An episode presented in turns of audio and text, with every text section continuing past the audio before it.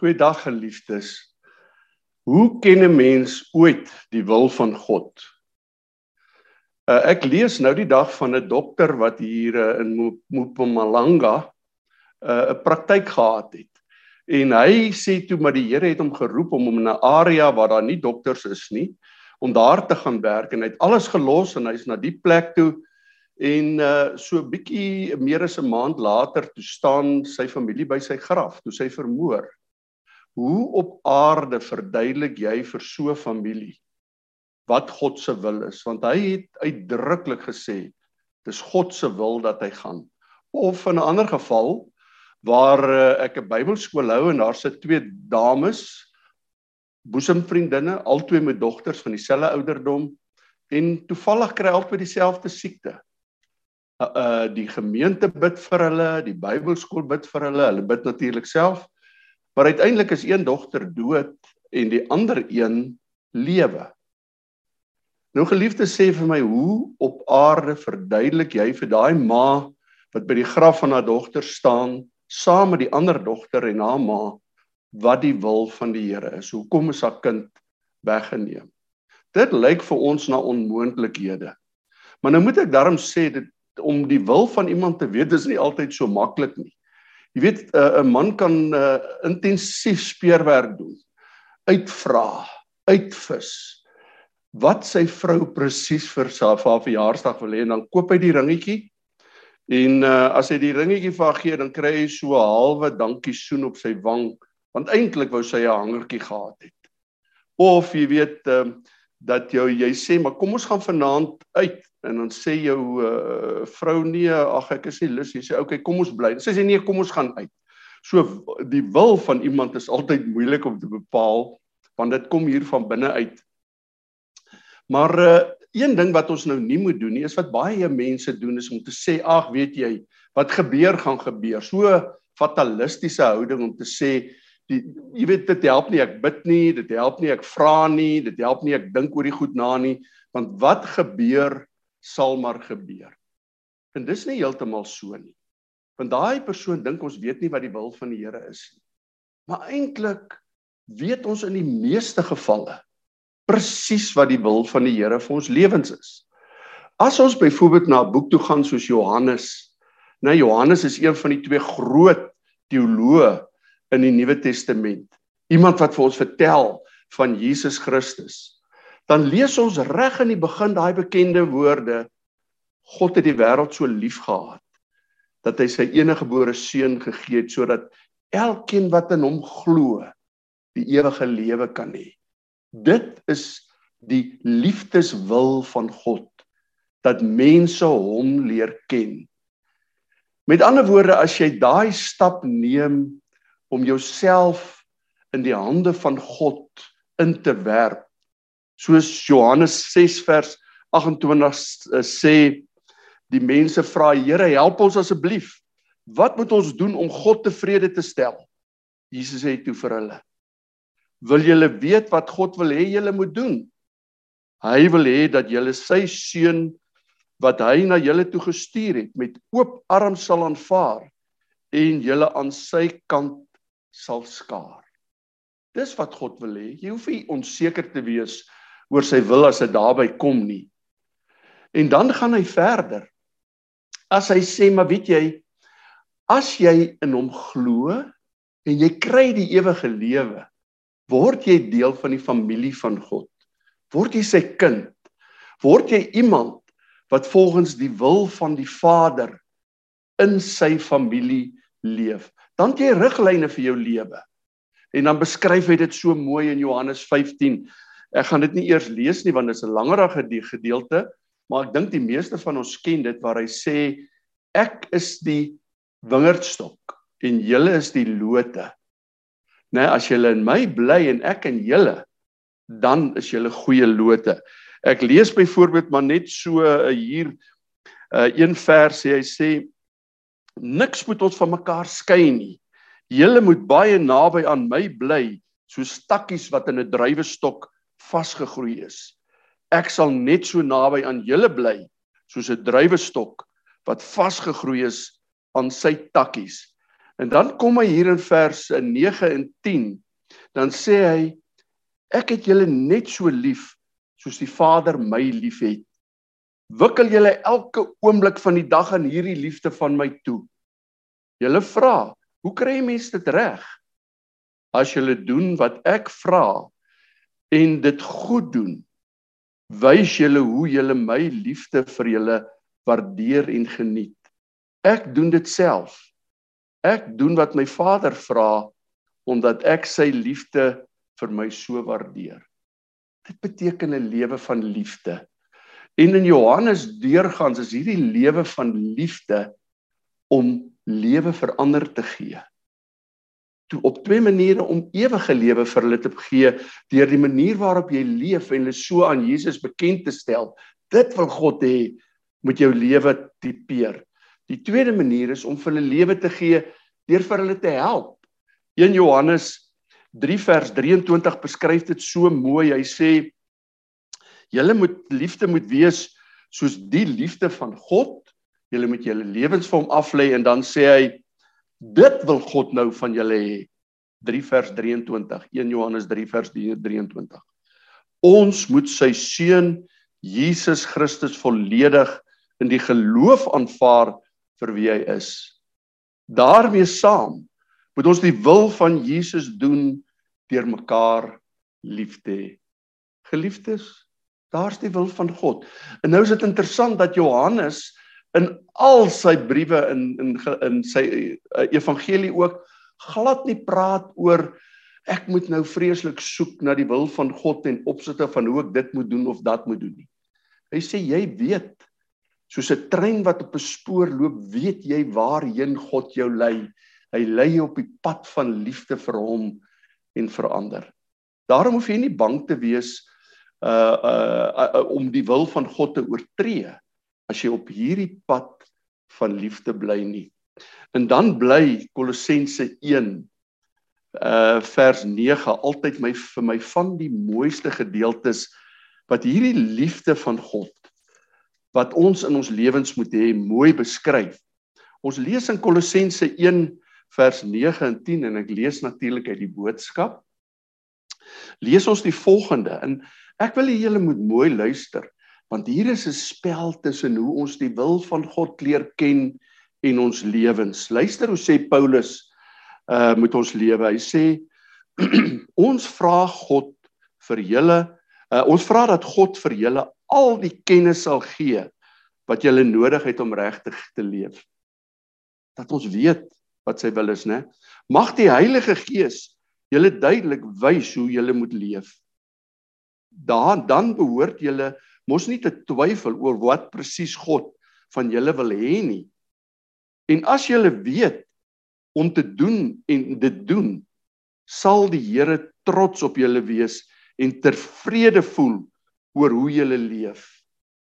Mag julle alles doen vir julle wat vir julle goeie vrugte sal dra en julle meer van sodat julle meer van God se plan vir julle lewens kan verstaan. Nou hier is twee goed. Hy sê ek wil so graag hê julle moet die wil van die Here leer ken. En dan kom hy dan sê hy tree dan op dat die Here tevrede voel met jou. Dat die Here trots voel op jou. Dat die Here sê ja nee, nou leef jy soos my kind. En dan weet jy jy leef binne die wil van die Here. En hoe meer jy binne daardie wil leef, sê hy, hoe meer daardie goeie dade van jou vrug dra en jy die teenwoordigheid van God sien in dit wat jy doen, hoe nader kom jy om te verstaan wat hy presies vir jou lewe bedoel. Dit is wat Kolossense so mooi beskryf. Die 10 gebooie, dis maar waaroor dit gaan in 'n sekere sin ook. Daar weet ons. Ons weet ons moenie steel nie.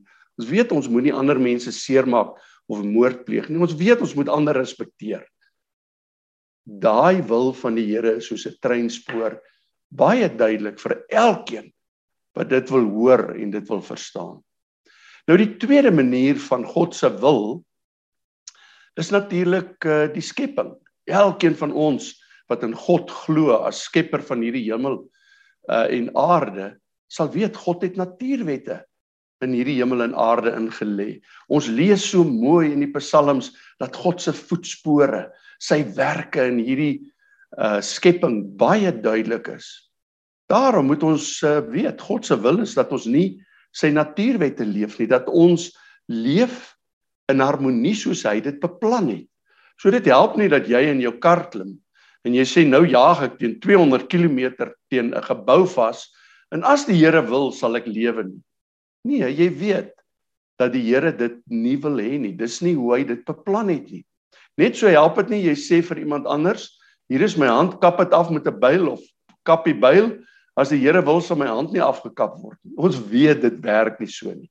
So geliefdes, ons hoef nie eens baie verder oor hierdie aspek van God se wil te praat nie.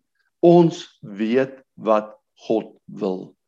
Deur ons lewe vir hom te leef volgens sy wil, sy liefde, sy gebooie en ook volgens dit wat ons weet en leer uit die natuur.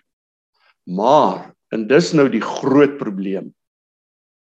Daar is twee dinge waar ons nogal sukkel met die woord van God, ag met die wil van God. En die een ding is hoe weet ek as ek moeilike besluite neem wat God van my lewe wil. Hoe weet ek in moeilike besluite? Die tweede area wat al dikwels moeilik is, is as goed sleg gaan.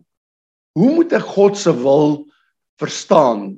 Dis nou daai twee vrouens wat se wat die een sy dogter verloor het en die ander een nie of daai dokter.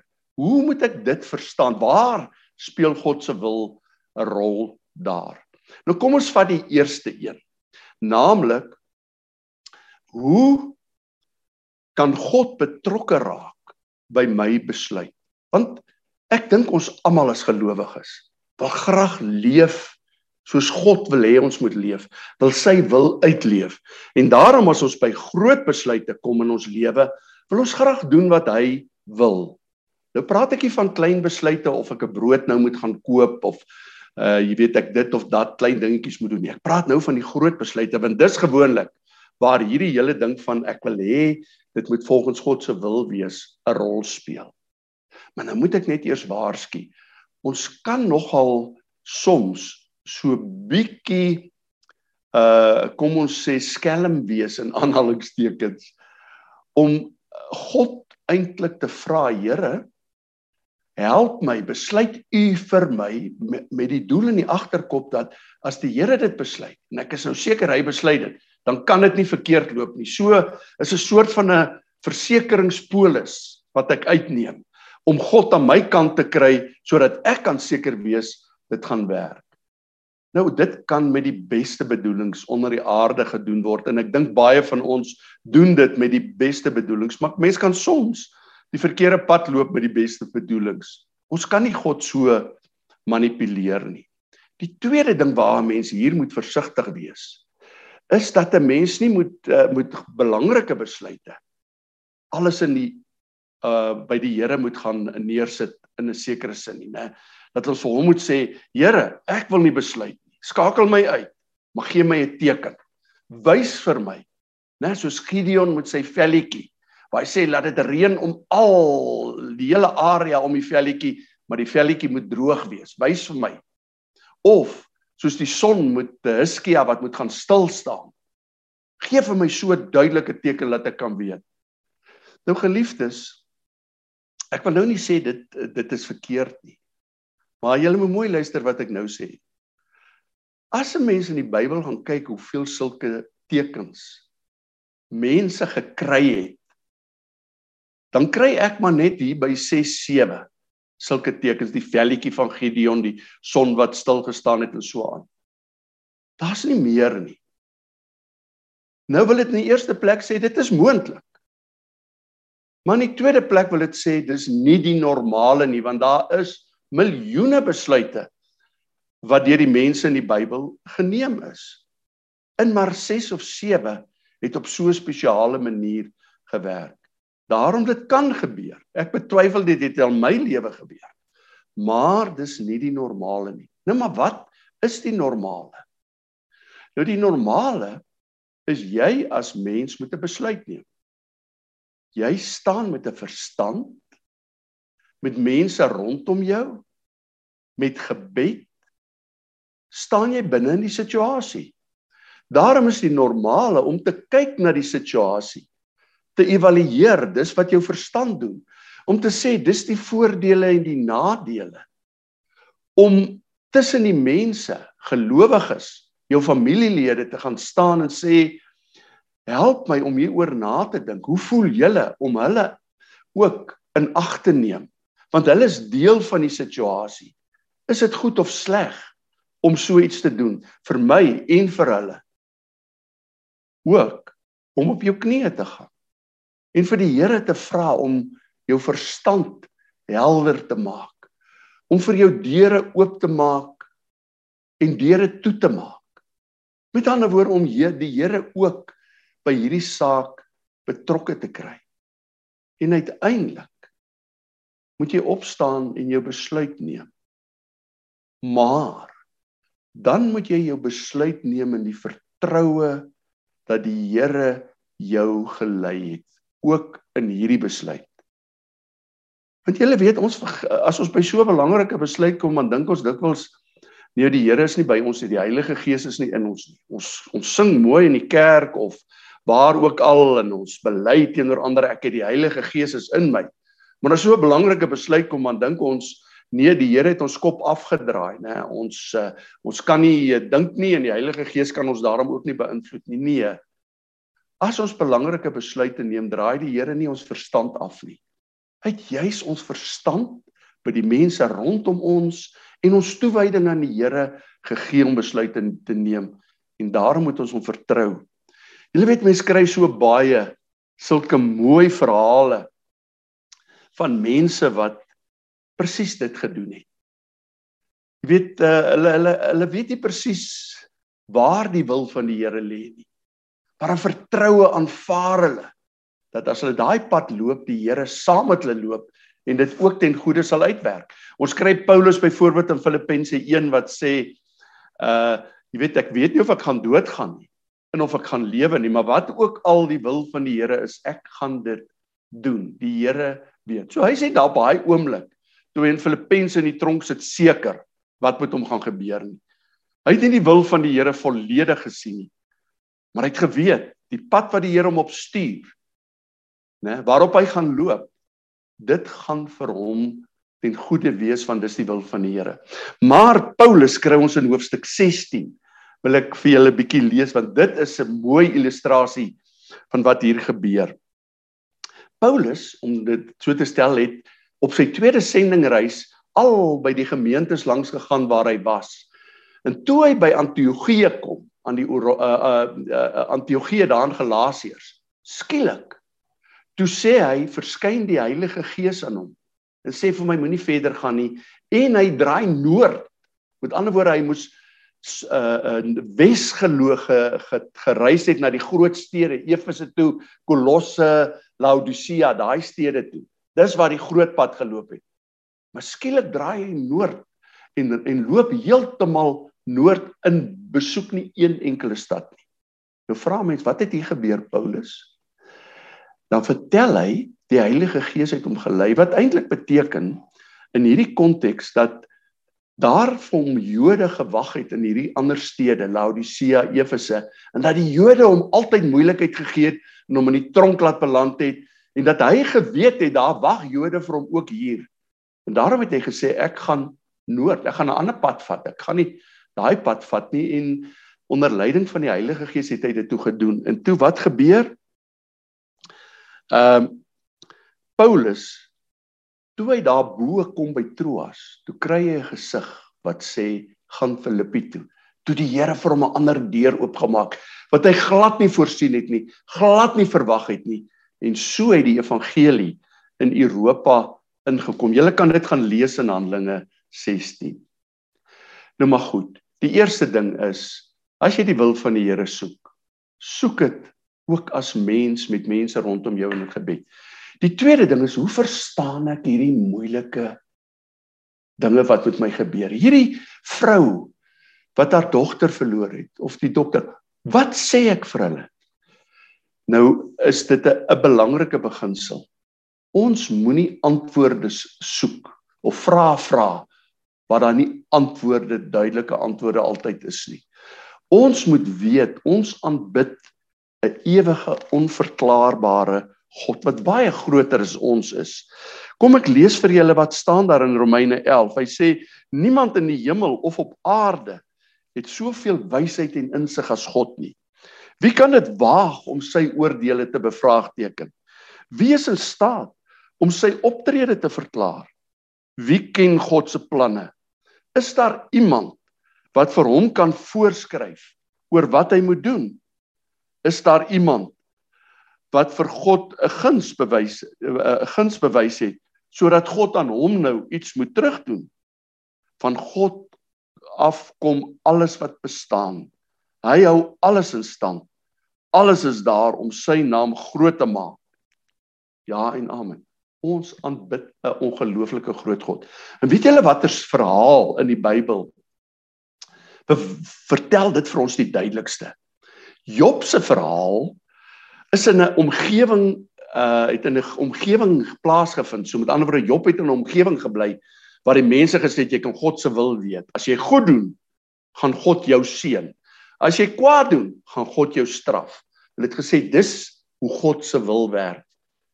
En wat gebeur toe met Job? Job leef vroom, maar dit gaan baie sleg met hom. En hy het gewonder, hoekom gaan dit so sleg met hom? Want hy is dan getrou aan God. Hy doen wat God wil hê. Hoekom is God nie goed vir hom nie? En hy het so gerebelleer en gebid teen God en so aan vir God gevra vir antwoorde en dan skielik verskyn God aan hom. En wat doen God? Hy gee hom nie antwoorde nie. God vat hom na die natuur toe. Hy sê, eh, "Was jy daar toe ek hierdie see gemaak het?" Sê Job, "Nee." In die berge? Nee. Het jy uh die diere gemaak? Met ander woorde, 'n krokodil of 'n seekoei en dis jou speelgoed. Sal jy hulle vir jou kinders vat om mee te speel? Nee, sê Job. Maar God sê dis my speelgoed. Né? Job sê uh, God sê vir Job kan uh, uh, volstruis vlieg? Nee, sê Job maar maar hy's tog 'n voël, ja. Maar as jy daai volstruis langs 'n 'n perd sit, hardloop hy die perd weg. Met ander woorde, dit maak nie sin nie. 'n Voël wat nie kan vlieg nie, maar wat vinniger kan hardloop as 'n perd wat eintlik bedoel is om te hardloop. Hoe werk dit? Dan sê dit God se kop om dit nou maar so met respek uit te druk, werk anders. Ons kan nie sy gedagtes verstaan nie, soos Paulus ook hier gesê het. Hy's groter Hy's God en ons is mense. En dan on, dan ontsluit die hele verhaal vir my wonderlik. Dan kom Job uiteindelik agter wat presies gebeur het. Die duiwel het na na God toe gekom en sê: "God, Job gaan jou los sodra jy nie meer van hom goed is nie. Hy's nie regtig lief vir jou nie." En God het gesê: "Jy maak 'n fout, duiwel. Ek sê vir jou Job het my lief. Hy gaan my nie los nie." Nou geliefdes, wat sou gebeur het as Job vir God gelos het? Dan God sy eer verloor. Dan God eintlik was dan eintlik in 'n sekere sin 'n leenaar. Dan was die duiwel slimmer as God. Dink net daaraan. Op daai oomblik toe God vir die duiwel gesê het Job het my lief, het hy al sy eer op die skouers van Job geplaas. Job was op daai oomblik eintlik die belangrikste persoon wat jy jou kan aandink omdat hy God sy eer, sy belofte, sy woorde op sy skouers gedra het sonder dat hy weet. Sonder dat ons weet gebeur daar dikwels dinge met ons omdat God groter is as ons. Omdat hy sterker is as ons, omdat hy meer weet. Daarom geliefdes kan ons op hom vertrou. Ons uh, moet doen wat hy wil om soos die uh, takkie in die wingerdstok in hom te bly naby hom te bly, hom te vertrou. Want dikwels as ons terugkyk, soos Job, né, en soos Paulus, dan verstaan ons God loop sy pad met ons. Hy weet waarheen hy ons wil vat. Ai. Soms weet ek nie wat God se wil is nie. Ek weet eenvoudig nie. Maar ek moenie vra vra wat daar nie antwoorde is nie. Maar gelukkig weet ek in die meeste gevalle weet ek wat God se wil is. om naby hom te bly en sy wil te doen. Geliefdes, kom ons sluit af met gebed. Here, dankie dat ons U kan ken. Dat ons in U wil kan leef deur U liefde in hierdie wêreld te versprei. Deur ons hand in geloof in U hand te plaas. Seën ons elkeen, Here, wat vandag aan hierdie boodskap van U blootgestel was. Amen.